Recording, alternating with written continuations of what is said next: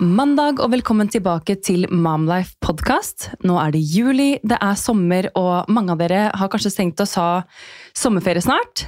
Og jeg er tilbake i studio og har med meg en gjest. eh, Og hun har faktisk vært med i Momlife tidligere. Så velkommen, Stine. Tusen takk. Veldig hyggelig å bli invitert igjen. Du, Det er veldig hyggelig at du er her. Og jeg må bare si at det er Stine fra Bare bra barnemat, som da er Norges største online matportal. Eh, Og mange av dere har kanskje hørt episoden vi hadde sist. Det var jo da i november, så det begynner å bli en stund siden. Så jeg tenkte jo da, Stine, at vi må ta en liten eh, update fra da. For det har jo skjedd en ting eller to hos deg siden da. Ja, det har det. Her har det virkelig gått i ett. Du ligger ikke på latsiden. Nei, vi har ikke gjort det. Og jeg syns det er ganske bra jobba. Jeg må liksom gi meg en selv eh, litt sånn klapp på skulderen, fordi jeg har jo en snart toåring hjemme også. Så ja. Det er utrolig hvor mye man får til med bare litt ekstra viljestyrke. Ja. Fordi nå har du lansert bok. Ja, vet du hva? Jeg er kjempeoverrasket, fordi den gikk rett inn på bestselgerlista på førsteplass den første uka den kom ut, og den ligger der eh, nå også, så jeg er bare sånn Ja, tusen takk til alle som har kjøpt boka. Det er kanskje også noen som hører på Momlife-podkast som eh, har skaffet eh, den seg allerede. Du, jeg må bare gratulere, det er jo helt sinnssykt. Ja, vet du hva. Er det den første boken du har sluppet? Vet du hva, Vi har skrevet en liten sånn 70-siders bok før, men den er ikke, det er mange som har spurt etter den òg, men den er ikke i butikk, så jeg har plukket det beste fra den og tatt med det faktisk i denne guiden. da. Jeg har laget en, eh, ikke bare en oppskriftsbok, men eh, jeg har laget det som jeg skulle ønske jeg hadde for syv år siden når jeg fikk datteren min. da. En komplett guide, rett og slett, gjennom eh, barnematjungelen. Det er veldig bra, og det tenker jeg er sånn, det er perfekt gave til hvis man skal i babyshower, eller hvis man bare har lyst til å ja, lære litt mer om mat da, og kosthold til disse små. For det er jo alltid noe man lurer på, hvordan Ja. man skal gjøre. Ja, og det du sa der, fordi det var sånn venninna mi bare åh, endelig en gave jeg kan gi bort som babyen ikke vokser ut av, liksom. Og noe som vi foreldre har nytte av, for det, Ja. det blir mye til kidsa. Ja. Litt lite til oss, syns jeg. Ja, den har alle nytte av. Men du har jo ikke bare lansert bok, du har jo også en podkast nå. Ja, en podkast, og vi har jo eh, Barbara Barnemat har jo kjøpt et eh, lokale, så vi satser på at det kommer en kafé etter hvert, en Barbara Barnemat-kafé, i, eh, jeg må si, i hjembyen vår, Marie, Ja. i Drammen. Du, det er sånn Når man er fra Drammen, så føler jeg vi snakket litt om det på vei inn i studio, men når man er fra Drammen, så føler jeg bare at det, da kjenner alle hverandre, egentlig. Ja, alle kjenner noen som kjenner, Nettopp. selv om det egentlig er en ganske stor by. Men når er planen at dere skal åpne der, da? Du, vet du hva? Jeg eh, har sagt til samboeren min at uh, hvis vi klarer det i 2022, så er jeg kjempefornøyd. Fordi jeg er litt sånn Nå må jeg roe ned. Jeg sa det til uh, Thea i stad, som uh, jeg jobber sammen med, at jeg bare Jeg har aldri hatt en så hektisk periode hvor jeg bare Jeg jobber fra jeg liksom står opp til jeg legger hodet på puta. Ja, jeg kjenner meg igjen. Det er litt sånn spesielt nå Vi spiller jo inn litt grann før denne episoden her slippes, så vi er nå fortsatt i juni, og den måneden her er bare sånn Alt skal gjøres før sommeren, alt skal spikres, alt skal eh, Ja, det er mye jobb, men jeg tenker jo at eh, når man jobber med noe man liker, så går det som regel greit. Det er Så får man ta ferie når den ferien kommer. Det er jo ikke jobb, liksom. Det Nei. føles jo bare ut som Det er bare gøy. Det er det. Det er nettopp det. Men eh, man må bli flinkere til å hente seg litt inn nå, faktisk. Men eh, Ja. det, det får vi ta en annen episode. Viktig påminnelse. Men hva, hva går det fint med deg ellers, da? Ja, det går eh, veldig bra. Mm, vi har jo eh, Jeg gleder meg faktisk til å få minsten i eh, barnehage, fordi vi har jo også produkter som vi jobber med. Som vi jobber med næringsrike sjokoladeboller, surdeigsbrød, brød bakt med spira mel og kommet akkurat noen sånne pastaskruer med spira mel. Oi, så, Så det er stadig nye produkter som eh, kommer ut, så ja, det, det er veldig, veldig gøy, og det blir veldig godt tatt imot også. Og planen er da at dere skal selge dette her også på kafeen? Ja. Perfekt. Men hva er det dere ser at selger mest da, på nettbutikken? Åh, det er brød. Er det melet? Ja, det Mm. er den brødmiksen med spiret mel.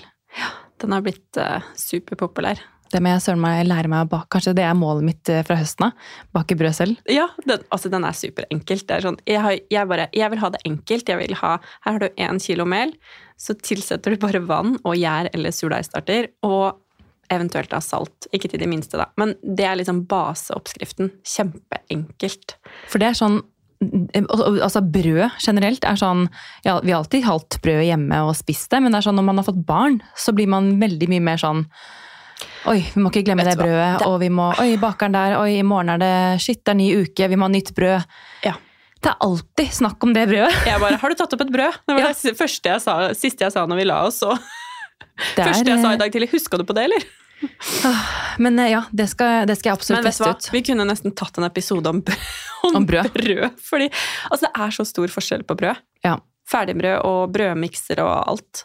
Og det er Men- derfor vi har laget uh, det her brødet her, da. Fordi at uh, det er så mye dårlig der ute. Ja, og jeg husker, jo, vi snak- husker jo vi snakket om det i forrige episode også, at, uh, eller da du var på besøk. Da satt vi faktisk hjemme hos meg, husker jeg. Ja, det var koselig. Eh, Så nå har vi steppa opp gamet og kommet oss til studio. Men da snakket vi om brød, at eh, eh, det er jo mye sukker i brød. Ja. Eh, mye av ja, brød som selges i butikkene. Men eh, et annet på, eh, punkt er jo også at barna spiser jo mye brød i løpet av en dag, i løpet av barnehagehverdagen. Og at brød er så stor del av veldig mange matpakker. da. Mm. Og derfor blir også brød, eller altså, næringsinnholdet i brød veldig viktig. Så nei, jeg må absolutt teste den uh, miksen din. Jeg skulle tatt med til deg. Ja, men uh, vi fikser det neste gang. Men du, jeg har jo eh, fått en del spørsmål fra lytterne våre. Og jeg tenkte jo liksom at da, dagens tema skulle være både sukker og kosthold. Ehm, og vi kan jo starte med mye av det lytterne lurer på, og det er jo hvordan håndtere familier med ulik mening angående kosthold. Og det var det mange som lurte på. Altså litt forskjellige eh, varianter, da. Men eh, det var det som gikk igjen på mange av spørsmålene. Altså, du har kanskje en eh, mor eller svigermor som har noen tanker om hvordan kostholdet skal være, og så har man eh, ja, noen tanker om hvordan man vil ha det hjemme, og så kommer man på besøk, og så sklir det litt ut. Altså, hvordan håndterer man dette her? Mm. Hvordan man håndterer på en måte Ulikt kosthold. besteforeldre og svigerforeldre. Primært da, tenker jeg at eh, det er i hvert fall det jeg ofte får spørsmål om òg. Og her er det jo litt sånn Det er jo ikke noe fasitsvar på hvordan man bør, hvordan man bør gjøre det, men jeg har i hvert fall funnet ut at eh, det er mitt barn, og det er jeg som bestemmer. Og hvis man på en måte klarer å stå i det, og også kanskje finne, snakke med samboeren sin om hvordan man ønsker å gjøre det.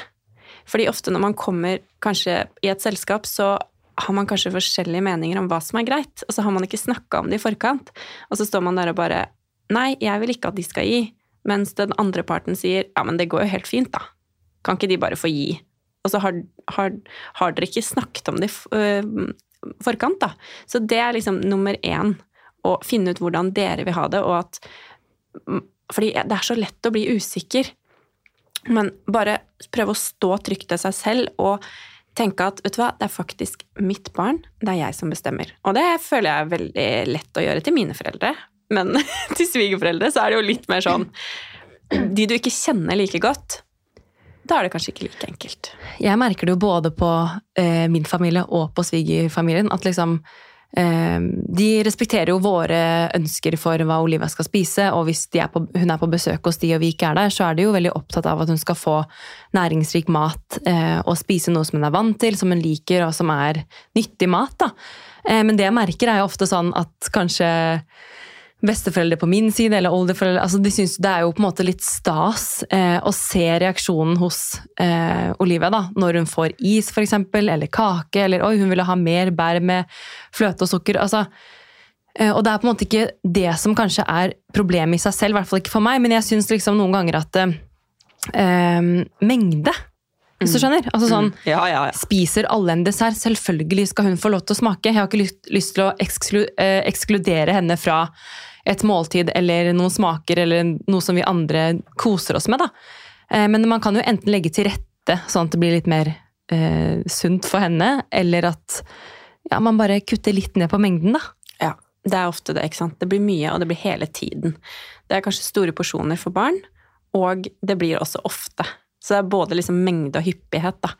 Det, er, eh, det går igjen i samfunnet, rett og slett. da. Og du viste meg en veldig interessant video før vi gikk på lufta her, eh, om denne isen. Mm. Kan ikke du fortelle litt om det? Det er en video som vi har laget som bare viser at eh, hvis du spiser eh, Eller hvis barnet ditt spiser én is én kronis, så må du spise seks stykker for at det skal tilsvare samme sukkermengde sammenlignet med vekt. Fordi barn er jo mye mindre enn oss. Og det er jo sånn vi ikke tenker over. ikke sant? Det er sånn, Jeg ser små barn på Jeg husker så godt. Det var én episode. Jeg var på senteret. Det var klokka ni på en lørdag. Altså rett etter de hadde åpna. Ja, på Gullskogen senter i Drammen. Og da- Shame on you. og da kommer en bestefar, som så det var, må ha vært en bestefar, med en liten gutt. Og bestefaren hadde en stor bolle, og eh, altså sånn type solskinnsbolle eller et eller annet. De er ganske store, og det samme hadde den lille gutten. Jeg er større enn hele gutten, sikkert. Også, ja, ikke sant? Så glemmer vi det at eh, åh, de er så mye mindre enn oss. Hvorfor skal de få den samme Mengden. ja, samme størrelsen. Og det er jo sånn Det har jo jeg tenkt på i forhold til når vi har lagd disse spirebollene med sjokolade. Fordi vi har lagd én bolle er 100 gram, og så har vi lagd 50 gram, som er da miniboller til barn. Det er bra. Ja, fordi for det første så blir det ofte mye svinn. De kaster det ofte, de spiser ikke hele. De får, eller så får de i seg for mye, fordi de spiser jo for mye. I forhold De til klarer hva kanskje de ikke å stoppe heller. Nei, det er forskjell på barn. Noen spiser kanskje bare litt, mens andre faktisk spiser hele den bolla. Og da spiser du kanskje ikke den, det måltidet som Den lunsjen som det barnet skulle fått rett etterpå, da. Det er nettopp det. Så utfordringen er jo ikke nødvendigvis alt det sukkeret bare, men at det også frarøver barnet viktige næringsstoffer som de kanskje hadde fått i neste måltid, da. Viktig. Jeg hadde en liten observasjon også da vi var i Bergen. På, um, vi bodde på hotell, var og besøkte noen familie for en stund tilbake. Og da på frokosten så går personalet rundt med en stor eh, kurv full av is. Som de da kommer bort til alle barnefamiliebordene og liksom tilbyr is. Og da kjente jeg bare sånn Det var like før jeg gikk bort. For jeg, jeg så observerte reaksjonene hos foreldrene. Og de kanskje kikket litt på, på hverandre og var sånn no, liksom. Eh, Og omtrent liksom sånn ja, ja, hva skal vi gjøre nå? Står hun damen her med kurv med is og spør om barna våre vil ha Vet du hva? ved frokostbordet? Det er helt utrolig. Vet du hva jeg gjør når sånne ting skjer? Jeg sier, eh, jeg sier bare nei takk foran barna. Altså, nå er hun min eldste syv år, og jeg gjør avtaler med henne i forkant. Jeg tar ikke sånne ting på sparket. Sier, eh, da sier jeg vet du hva, nei, vi har lovt, jeg har lovt at vi skal kjøpe is senere i dag. Ja, men det er perfekt, det. Ja, og, og liksom ta kontrollen, ta styringa. Det er du som er eh, forelderen. Ja, da, da de kom bort til oss, så var jeg Ja. sånn Nei takk, liksom. Ja. Altså sånn, Ungen min er ikke to år engang, og hun sitter der og spiser egg og vanlig frokost, og så skal hun ha Jeg bare tenkte sånn Det var sikkert bare godt ment, eh, men sånn kom med en tegneblokk og noen fargestifter Ja. isteden, da. Ja, Jeg ble, akkurat da ble jeg faktisk litt provosert. Men vet du hva, si ifra. Jeg gjør det. Jeg bare, det er veldig fint hvis dere spør meg i forkant. Men nå, ja, nå sier jeg Olivia skjønte heldigvis ikke så mye. ja, Nei. Men, men de andre barna, altså sånn Men jeg syns det er fint at de, ja, at de skal få beskjed om at ok, snakk med foreldrene først. Det er ikke bare å Fordi mange ganger spør de ikke engang. Sant? De bare gir barna. Og da blir det jo ramaskrik hvis man tar det fra de Ja. Men det er jo litt sånn, du, var jo, du snakket jo om besteforeldre, og det er jo litt sånn De hotellansatte der, da, de tenkte sikkert at det er snilt. Og det tenker jo besteforeldre òg. Det er snilt å gi. Men det er jo hvem er det man tilfredsstiller? Ja, det er et godt poeng.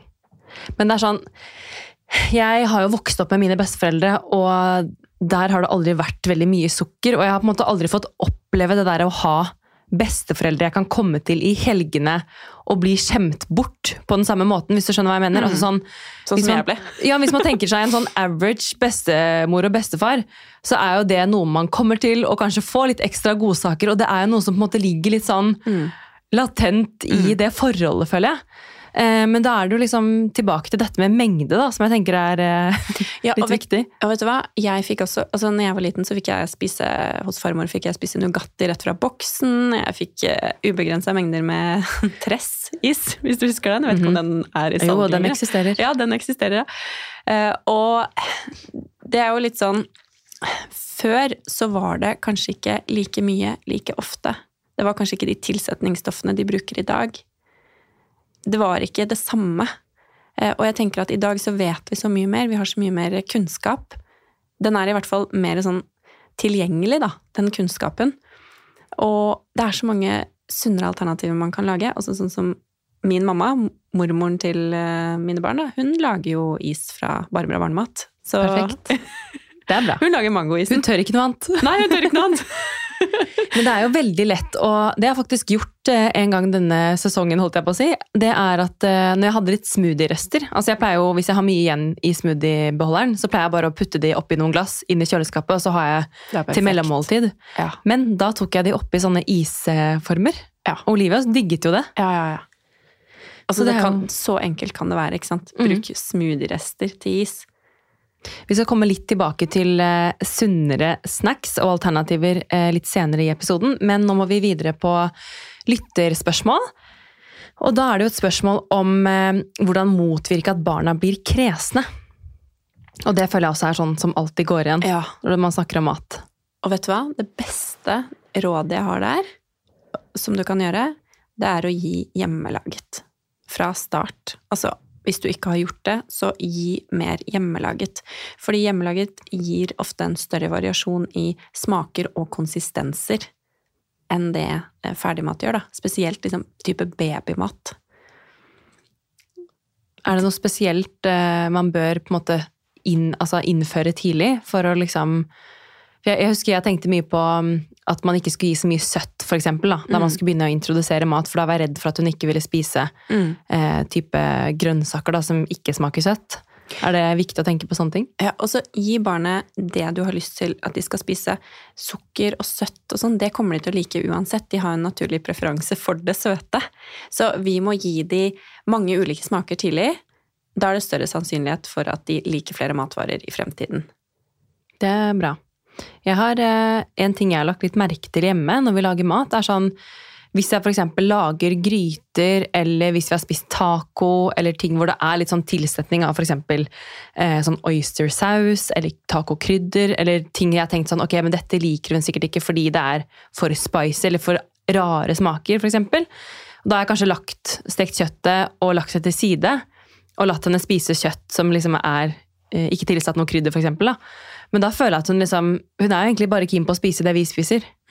Så med mindre maten er veldig sterk, så lar jeg henne egentlig bare spise det vi lager. Ja. Og så føler jeg at hun da er mer åpen for andre smaker. Jeg vet ikke om det er logisk, men jeg bare føler det sånn selv. Ja, og ikke sant, i forhold til det her med kresenhet, så eh, spis Altså når dere spiser variert, så blir jo også barnet inspirert. Dere er jo de viktigste, altså foreldre, Vi som foreldre er jo de viktigste rollemodellene.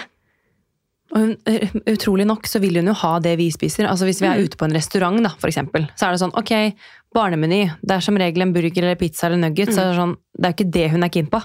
Hun ender jo opp med å spise det vi har på tallerkenen. Ja, ja. Så det vi faktisk har begynt med nå, det tenker jeg jo, nå som denne episoden slippes, så er det sommer, man er kanskje på ferie etter hvert. Man er kanskje mye på restaurant. Eh, Og en ting jeg i hvert fall skal ta med meg den sommeren her, er at eh, jeg kommer til å bestille mat jeg har lyst på. Mm.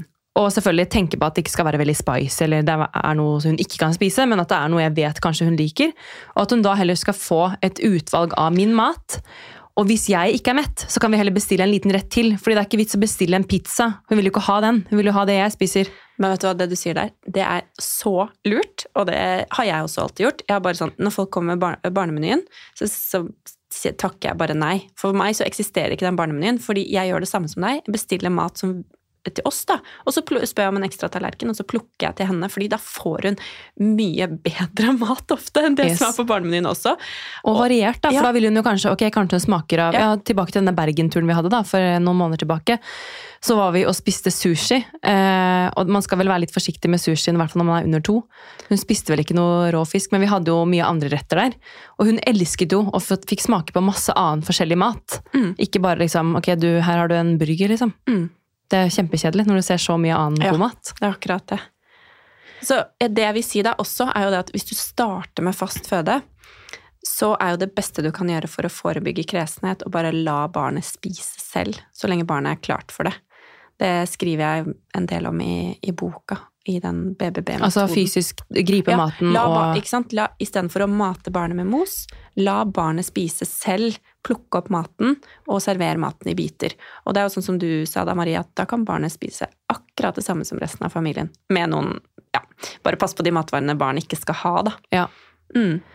Um, men hvis vi går litt videre, da, så er det også spørsmål om matpakker. Eh, og her kjenner jeg meg litt igjen, fordi vi også har to matpakker i barnehagen. En til tidligere på dagen og en til lunsj. da. Eh, og lytteren spør om, eh, tips til hva man kan ha med seg? I matboksen? Ja. Jeg kan jo si hva jeg gjør. Eh, brødskiver er jo liksom go to nummer én for meg. Jeg har alltid oppskjærte brødskiver i fryseren.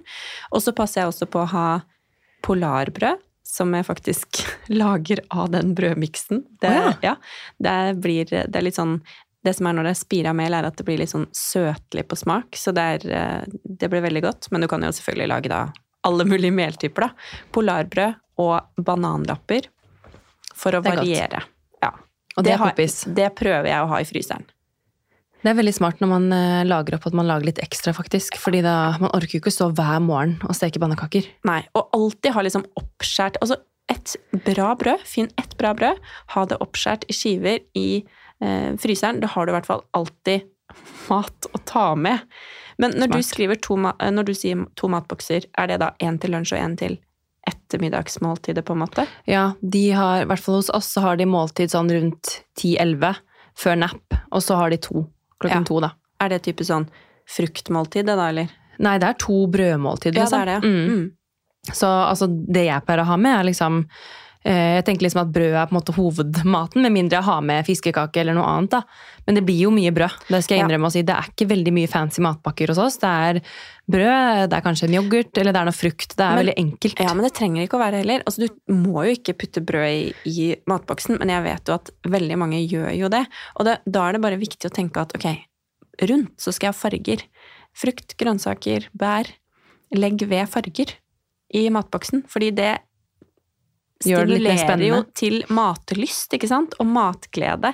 Ikke bare en sånn dobbel klasa sammen skive med et eller annet det der er meg. Vet du hva? Hun, ja, jeg føler at det, de dagene jeg står og smører Altså, jeg smører jo matpakke hver dag, men når jeg står der, så tenker jeg bare sånn Stakkars, nå får du den brødskiva med gulost igjen. Men vet du hva, man kan, jo Plukker ikke, til med av den gulosten. Spiser bare brød uten noen ting på. man kan jo ikke alltid være inspirert. Nei, jeg vet det. Men, øh, men det er godt å få litt inspirasjon fra deg og høre at liksom, brød er bra nok så lenge det er bra brød. Ja, det er akkurat det. Og så gjør det enkelt. Bare pass på å ha et eller annet gulrot eller agurkskiver, litt paprika, og legg Vet du hva, et supertips der. For kresne eller småspiste barn, legg ved en matvare som du vet barnet ikke spiser enda. Mm. Fordi barnehagen er en helt annen setting enn hjemme, og det er veldig fort gjort Altså større sannsynlighet, da, i hvert fall min erfaring, er at de faktisk spiser det når de er i barnehagen, eller smaker på det, da. Det, ja, det skal jeg ta med meg. Mm, og de trenger jo å eksponeres for uh, samme matvare så mange ganger som kanskje 15 ganger, og det er mange ganger. Og det, har vi, det husker jeg vi snakket om sist, og jeg har faktisk uh, en litt uh, interessant observering som jeg gjorde i går. Var at uh, gulrot det spiser hun gjerne i gryter, eller hvis det er most inni noe. Uh, nå lager vi ikke så mye mos lenger, men hun har jo spist det før. Men gulrot i seg selv, enten i sånn stav eller raspet, det, det har hun vært liksom uinteressert i. Uh, og i går så lager jeg middag, og hun elsker jo å være med og se på.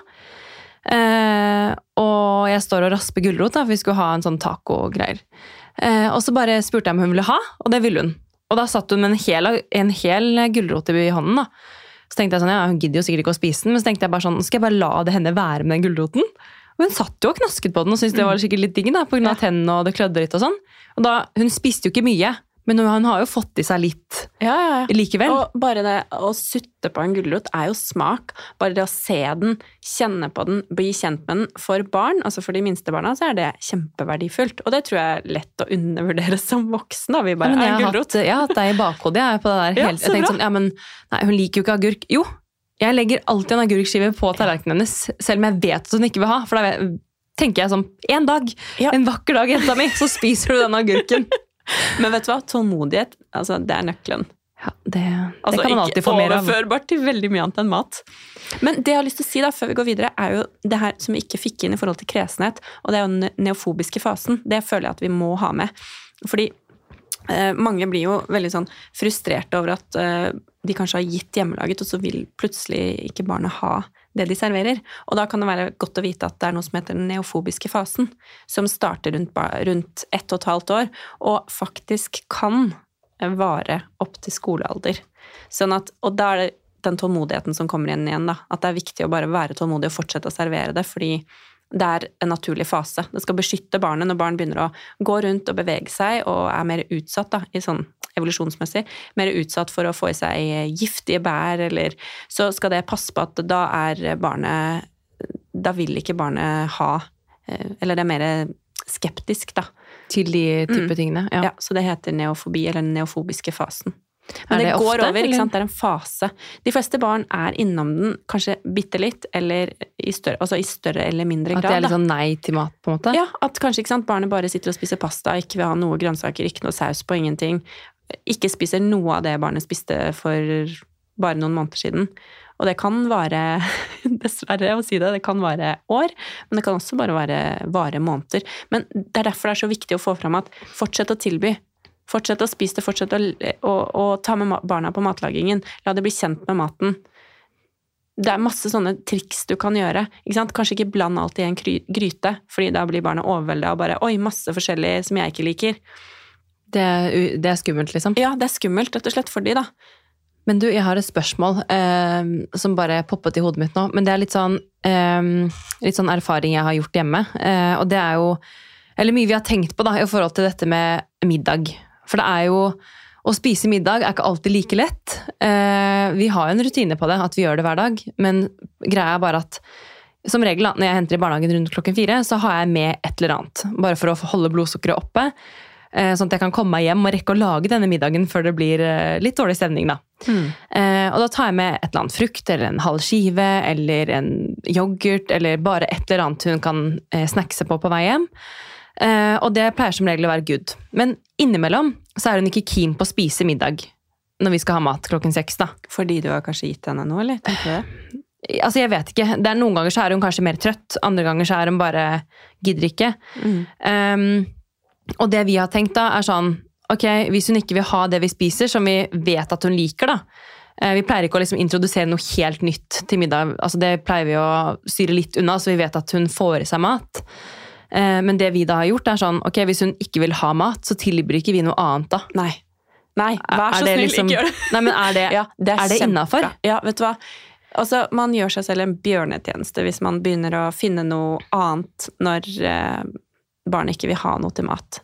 Altså, det, da gjør man det kjempevanskelig for seg selv, fordi barn de forstår jo utrolig mye. Det er Bare jeg tror. skriker litt, eller bare jeg nekter det her, så får jeg det andre.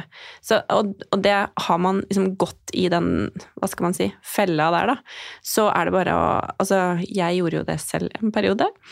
Eh, men jeg bare kutta helt. Jeg bare Dette er middagen. Punktum. Mm. Streng mamma. Men, ja, men, eh, og det, sånn, jeg føler meg litt sånn streng innimellom, jeg òg, når jeg gjør det der. Men, ehm, men som regel så vet jeg jo at det vi lager, er ting hun liker. Ja, og det er sånn, ok. Kanskje det er en litt annen variant, men du liker i hvert fall den kyllingen. Eller du liker i hvert fall kjøttet. Eller altså elementer i maten. Mm. Eh, og så tenk, prøver jeg i hvert fall å tenke, eller vi tenker sånn Er du sulten, så spiser du. Det er akkurat det.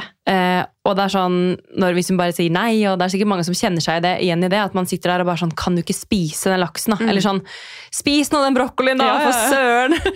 eh, og de bare liksom sier nei, så er det sånn Ok, men dette er maten vi har nå. Og da prøver jeg liksom å forklare det. At liksom, nå er det ikke noe annen mat. Og hvis du våkner i natta og er sulten, så er det fordi du ikke har spist nå. Mm. Men det er innafor å gjøre det. Det Ja, ikke liksom Men altså, hvis du skal ha et måltid til, da, hvis det er, middagens siste måltid noen ganger ja, ikke sant? Som regel så er det det. Vent i hvert fall. Men barn også forstår jo at altså, Min eldste hun skjønner jo også at hvis hun ikke spiser det til middag, så venter hun bare til kveldsmat. Ikke sant? Mm. Så vi prøver ikke å ha middagen for sent, da. Ok, at da hvis dere har den litt tidligere, så kan hun på en måte spise seg mett på kveldsmaten? Ja, eller det blir for lenge, rett og slett. Da. Sånn at? Hvis du gir noe til klokken fire etter barnehagen, så er da er hun kanskje ikke sulten nok til middag. Så jeg prøver å unngå det etter eh, barnehagen eller etter skolen nå, da. Måltidet. Fordi da kjører vi rett på middag, fordi da er hun så sulten, ikke sant. Jeg vet det, men det er Det er litt logistikk også. Ja, det, det er nettopp det. At Ja. liksom, men som regel, da, ni av ti ganger så funker det greit. Men bare, det er sikkert sånn flere kan kjenne seg igjen i at man kommer hjem, Ja, ja, eh, man er litt sliten selv, har båret opp varer, og hun er sliten etter barnehagen. Og vil helst liksom sitte omtrent på hofta mi og følge med på at jeg lager mat. Og det er hyggelig, det, men det er sånn, du får jo ikke gjort noen ting. Nei. Og så er det sånn, kan du bare sitte på den stolen og følge med på at jeg lager mat, så blir det mat snart. Bare vent. Ja, Snart vet. mat. Og jeg tenker liksom sånn at generelt sett så bør man jo selvfølgelig prøve å ikke gi noe annet, sånn, men gjør man det en gang i ny og ne?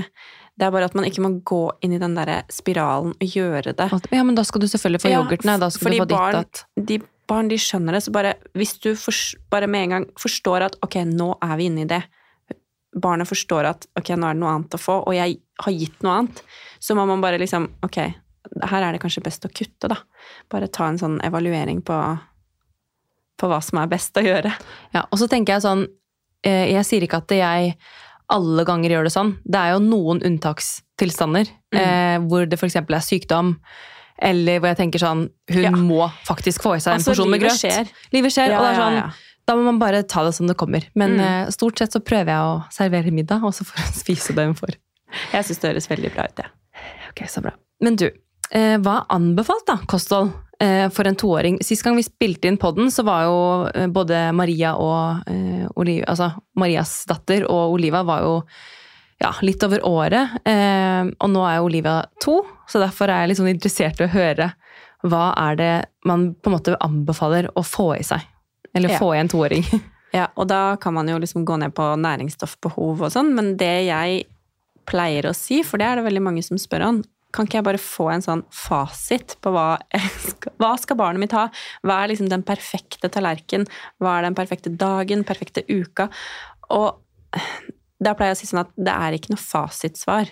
Men ikke sant? det blir jo sånn som det anbefales å spise grønnsaker, ikke sant? frukt, eh, nøtter, bær. Inkludere eh, alle regnbuens farger. Prøve, i hvert fall, da. Fordi det er jo jammen ikke enkelt. Nei, det er det ikke. Og bare tenke på ikke sant? Bruke grovt brød, eksempel. Fullkorn. Tenke over hva slags mat du gir. Gir du mye ferdigmat? Gir du? For prosesseringsgraden spiller jo også inn. Prøve å, å bruke mest mulig råvarer. Eh, Og velge kvalitet på det du faktisk kjøper. Det er mye viktigere enn å se på næringsstoffene i sånn enkelt eh, Hvis jeg klarer å forklare det. Ja, jeg skjønner hva du mener. Ja. Mm. Men uh, innimellom så føler jeg sånn at det blir jo uh, I et kjøleskap, da, så er det jo sånn Det er jo ting du kjøper ukentlig, og så varierer man kanskje på middag, men stort sett sånn frokost og mellommål Altså det er jo stort sett det samme. Ja. Og det jeg lurer på da, er sånn hvordan kan man implementere nye matvarer eh, for barnet? Fordi at det blir jo litt sånn vane hva du kjøper på butikken. Mm. Eh, og hverdagen skjer, da. Og du har ikke liksom alltid kanskje tid eller eh, ork da, til å tenke sånn ok, nå skal vi prøve noe helt nytt her. Og det blir litt sånn ok, men da lager vi den middagen, for det vet vi er bankers, liksom. Ja. Hvordan, hvordan kan man bli litt flinkere til det i hverdagen og liksom tilby nye ting i matboksen? Ja. Få nye matvarer inn i middagen, liksom. Og så det beste rådet der er jo å planlegge. Fordi hvis ikke så blir det bare Altså, jeg vet jo med meg selv. Hvis ikke jeg har planlagt noe, så bare Ja ja, det går sikkert greit med brødskiver til middag i dag. Ikke sant? Ja. Orker Ok, så du gjør det du også, sånn. ja. Og det er greit. Vet du, det har vært så travelt i det siste. Jeg har bare Samboeren min lager all mat. Det er han som liksom prioriterer å lage middag, sånn at vi får i oss noe sånn Jeg føler noe ordentlig mat, ikke bare liksom brød. Men eh, ja, jeg tenker eh, kvalitet er viktig. Og planlegging. Å tenke at det er liksom bra nok. Ikke for høye krav, rett og slett. Mm. Og så litt tilbake til dette med snacks, da. Altså hvor mye snacks er det innafor å gi til barnet sitt? Og da tenker jeg spesielt på sånn eh, Man har spist f.eks. middag, eh, og det var siste måltidet. Kanskje man skal sette seg foran TV-en og se på noe barne-TV, eller ja, man skal ha noe mens man spiller. Altså ha et eller annet snacks, da. Mm. Hvor mye, altså mengde, er greit å gi? Oi. Ja, hvis man skal se på liksom anbefalingene, og sånn for sukker, Ja. så er det jo veldig lite tilsatt sukker som er anbefalt for eh, de minste. Og det kan man jo fort overstige ved å gi en god morgen-yoghurt, ikke sant. Det er jo mye sukker i det. Så, men det spørs jo på totalen igjen, ikke sant. Kostholdet til barnet. Hva spiser barnet i løpet av en dag? Eh, spiser barnet mye ordentlig mat, så er det kanskje plass til da, den god morgen-sukkeryoghurten, hvis du skjønner. Sier ikke at du skal jeg- kjøpe den, men Nei, nei. Hvis jeg tenker på um, Olivia, da, for Mm. eksempel, så er det til frokost er det som regel en porsjon grøt eller brødskive eller yoghurt og korn, for eksempel, med bær. Mm. Eh, og lunsj er det som regel brød til, eh, på matpakka, eh, kanskje en fiskekake eller karbonade, ja, og frukt, liksom. Eh, og så er det da middag. Men om hun da liksom får en halv pakke rosiner på veien fra barnehagen, så er ikke det liksom mye snacks. Nei, og det, her tenker jeg at det er veldig viktig å finne ut hvordan man ønsker å ha det selv. Ja. Fordi det er jo ikke noe Igjen, det er ikke noe fasitsvar. Og rosiner er jo noe helt annet enn uh, Jeg å føler det er gi veldig sjokolade, uskyldig, da. ikke sant? Ja. Ja, Og det å, å bruke frukt som dessert uh, Mamma sier at uh, altså de er vant til fra hun var liten at de hadde dessert hver dag. Så sier jeg det skal ikke vi ha. Men har man dessert som er frukt, så kan man jo ha det hver dag. Absolutt. Men ikke is og karamellpudding og Nei, alt det er søndagsdessert. Rispudding og alt. Ja, det er Eller når kids har lagt seg. Ja. kan vi ta dårlig avgjørelse for oss selv? ok, Men eh, en annen ting også jeg må spørre om, er jo uh, dette med havremelk Mm, versus vanlig melk. Mm. Fordi at uh, Olivia har jo fått smaken på havremelk, da. Ja. Og syns at det er veldig godt. Det er uh, ja, et godt spørsmål. Uh, og det måtte jeg bare notere meg ned her på tampen, fordi at eh, nå er det det hun spør etter. Havremelk. Ja. Mm.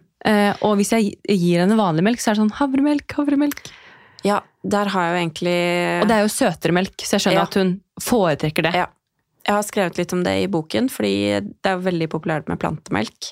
Eller plantedrikk, skal man vel si. Mm, Det er vel ikke lov å kalle det melk, egentlig. nei. Eh, Men forskjellen, bare for å ta det på kumelk og eh, havre, da, hvis vi tar utgangspunkt i det, så er det at kumelk eh, inneholder jo større mengder fett, som da er viktig for barn, enn det f.eks. havremelk gjør. Havremelken er også det som heter eh, altså Den er så varmebehandlet fordi den står i romtemperatur, ikke sant. Så eh, kumelk er lavpasteurisert, som da er en oppvarming på 70 grader i noen sekunder. Husker ikke helt eh, hvor lenge. 10-15 eller noe sånt nå. Mens den derre eh, ultra Hva heter det? UHT Står helt stille. I hvert fall, den er varmet opp på mye høyere temperaturer for at den nettopp skal kunne stå, Stå i butikk. butikk. Så det å lage sin egen havremelk er ikke det samme som å kjøpe i butikken. Men altså, grunnen til at vi har havremelk hjemme, er fordi jeg lager det til kaffen min. Ja, jeg syns det er kjempegodt. Jeg elsker det jo, Og eh, den- og det den- ser jo hun. Ja, ikke sant? Og det Ja, jeg bruker den kaffemelka jeg også med havre, og den er kjempegod i kaffe, men det er ikke noe drikkemelk for barn. Eh, Ut fra mitt perspektiv, da, det Nei. jeg mener. Fordi den er også den prosessen de bruker når de lager det. eh, Det gjør at eh, den melka, den er veldig søt. Og, og ikke noe som Det er ikke en naturlig prosess. Det er ikke det du får til hjemme på kjøkkenet. Nei. Men har du, Sånn lager du havremelk selv også? Nei, men det er kjempeenkelt. Ja. Ser jeg. ja, jeg vet ikke. Altså, Du kan bare bruke blenderen. Jeg har ikke prøvd det, men det, tenk, det er litt morsomt at du spør, for det Ja. tenkte jeg på her om dagen. Jeg sa det faktisk til samboeren min, til Joakim. Jeg Det må du gjøre. Kan ikke vi bare lage vår egen havremelk i blenderen? Se her, og så viste han en video. Det er kjempeenkelt, Ok, men det må jeg sjekke ut. sier jeg. Det sier du. Ja, ja. Du, Ja. Kjempeenkelt, det er bare å gjøre det, gutten min. Ja, ikke sant? Ok, Men uh, hun Også, drikker ikke det hver dag, altså, men jeg ble bare litt nysgjerrig på det. i og med at hun er så hver gang, ikke sant? Jeg lager jo kaffe med havremelk hver morgen, og da blir det sånn 'Å, havremelk, havremelk'. Men jeg tror det er et kjempeviktig spørsmål, fordi det er veldig mange som lurer på akkurat det der. Og det er jo litt forskjell på plantemelk. Eksempel kokosmelk har et mye høyere fettinnhold, og faktisk også inneholder også jern. Og det gjør jo ikke kumelk. Så det er litt sånn hvilke plantemelkalternativer man bruker, og så er det litt eh, For eksempel spesielt i kokosmelk, da, så er det jo litt eh, forskjellig hvor mye De bruker fortykningsmidler som gjør at du, du betaler for eh, mindre råvarer, ikke sant, og kanskje også noen tilsetningsstoffer. Så man må bare være våken som eh, forelder og som forbruker når man man handler, ja. Det er sikkert og visst. Men dette er jo det vi jobber med å hjelpe til Dette å Dette skal dere navigere hjelpe oss å bli ja. eh, opplyst på. ja. Men du, eh, nå har vi pratet mye her. Eh, og vi må jo komme til en avslutning. Eh, og sånn avslutningsmessig så har vi jo, eller har jeg notert eh, dette med sunn snacks til Mm. sommeren. Eh, man er mye på stranda, man er mye ute på farten. Eh, det er mye desserter, mye middager. Altså, hva kan man lage til disse barna som er litt nyttig snacks? Dere skal vel på Skulle ikke dere på ferie med kjøkken og Ja. Jo. Og leier man Airbnb eller eh, hotell med kjøkkenløsning eller ja, Det er ofte mulighet for å lage noe og fryse ned i selv, da. Og det jeg gjorde sist jeg var i Spania, faktisk, kom, kom drømmer jeg meg tilbake dit, så lagde jeg bare sånn stort fruktfat på hotellet og tok med ned til bassenget. Og da møtte jeg noen engelskmenn i heisen med colaen under og potetgullposen, liksom, og bare, de bare Wow, that looks delicious. Og jeg bare ja. ja. Det er bare å skjære opp det. Det er, men det er bare å gjøre det. Du må gjøre det. Du må kjøpe inn den frukta, du må gidde å liksom lage det store fatet med masse innbydende frukt, så spiser barna det på, når de bader ved bassenget. Men jeg husker jo det da jeg var liten også. Altså, hvis det lå et eple på bordet Nei, nei. Hvis det lå oppskåret, Ja, det er akkurat det. da kunne jeg jo spise tre epler. Altså sånn, Det er mye mer innbydende hvis det er skåret opp. Ja. Og, det trenger, jo- lettere. og det trenger jo ikke å være så komplisert. Det er sånn, Frukt er enkelt. Det fins masse forskjellig frukt. Altså, ikke begrenset til frukt. Bær, grønnsaker også. Skjær det opp. Gjør, altså, barn spiser jo også med øynene. Altså, vi vet jo, Ja. Hvis vi går ut og spiser og får noe som ikke ser liksom spesielt innbydende ut, så bare Er det her det, er det, her det Skal jeg spise det her, liksom? Ja. Og, ja, så barn bruker også øynene. Vi må bare huske på det, da. Men hvis man skal lage noe sånn kake eller bar, altså, har du Mm. noen tips der til hva man kan lage som er enkelt? Av kake Ja. Ja. Um... Eller jeg er ikke så veldig fan av kake sånn generelt. Fordi jeg føler sånn Eller det er veldig godt, men Ja. sånn Jeg foretrekker heller liksom en smoothie eller frukt eller Jeg vet ikke. Kake blir så veldig sånn Kake Det føler jeg er selskap. skjønner. Ja, du? og, kake jo, tar jo litt lengre tid å lage. Yes. Men jeg lager ofte bare pannekaker eller bananlapper. Ja, det er, Og, bare det er sånn, ja, og så kan man jo bare ta noe krem på disse bananlappene, og så bare vips. Så er det en dessert. Og noe bær. Ja. Så er det en dessert istedenfor å lage en kake, hvis det er til barna, da. Det er bra tips. Og så snakket vi jo litt om smoothie-is også.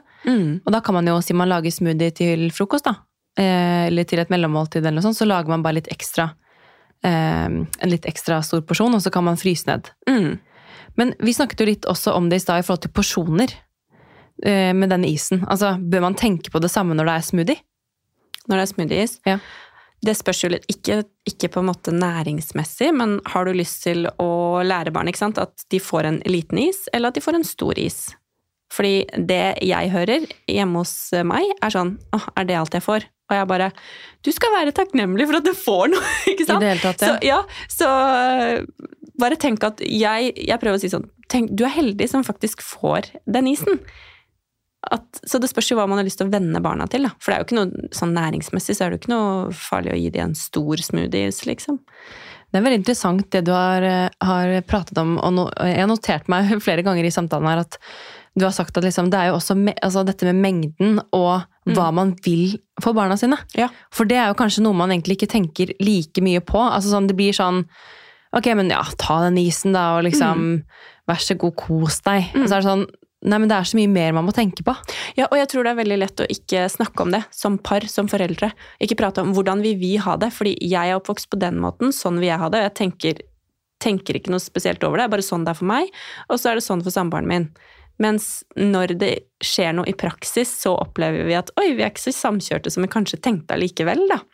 Men hvordan gjør dere det i hverdagen sånn når dere planlegger eh, Planlegger dere ukesmåltider, eller hvordan gjør dere det i forhold til mat? Jeg har prøvd på det, Ja. men det sklir litt ut. Men det er veldig lurt. Så, Det er veldig lurt. Ja, absolutt, men vi gjør ikke det. Nei. Nei, det er bare sånn eh, Middagene overlater jeg til han å være litt eh, kreativ eh, på, og så blir det mye sånn bananlapper, pannekaker, polarbrød elsker jo datteren min. Bruker de til liksom både i matpakka og til eh, Lager de litt større og bruker de som burgerbrød, eksempel. Og ja, prøver å bare være litt sånn kreativ eh, der. Spinat i eh, pannekaker og rødbet og Rødbet også i pannekake? Ja, rødbetpannekaker. Rosa pannekaker. Jeg syns det er kjempegodt. Moser du de først, da? Eller Ja. ja. Jeg kjøper de Du får noen som er ferdigkokt. Ah, ja, de som er i sånn vakuumpakke? Ja. Mm, og de er kjempekjekke, for de bare moser du med en gang. Det var bra tips. Mm. Og rødbet er jo ganske søtt da. Så, og det blir jo veldig fin farge. Det må jeg prøve i løpet av sommeren. Mm, ja. Men du, veldig mange gode tips fra deg, Stine. Og jeg gleder meg til å både le Nå har jeg jo vært så heldig å få boken din Ja. her, så den skal jeg kose meg med i sommer. Eh, og så håper jeg dere lytterne har det fint i sommer, og at dere tenker litt over dette med sukker og snacks. Men helt til slutt, hvis folk ønsker å komme i kontakt med deg, hvordan eh, når de deg da, Stine? Jeg er både på Facebook og kanskje mest på Instagram om dagen, faktisk. På Bare bra barnemat. Da møter de deg der. Ja. Og du svarer hele sommeren. Jeg svarer hele Takk i ferie sommeren. derfra. Jeg, skal prøve å, jeg prøver å svare faktisk alle så godt jeg kan, men eh, jeg må si i siste har det vært eh, vanskelig å få det til. Men sånn er det. ja. Men du er i hvert fall tilgjengelig der, og folk kan følge med Yes. og få tips. Mm. Tusen takk for at du kom til studio, Tusen takk for at og jeg kom. god sommer. God sommer. Ha det!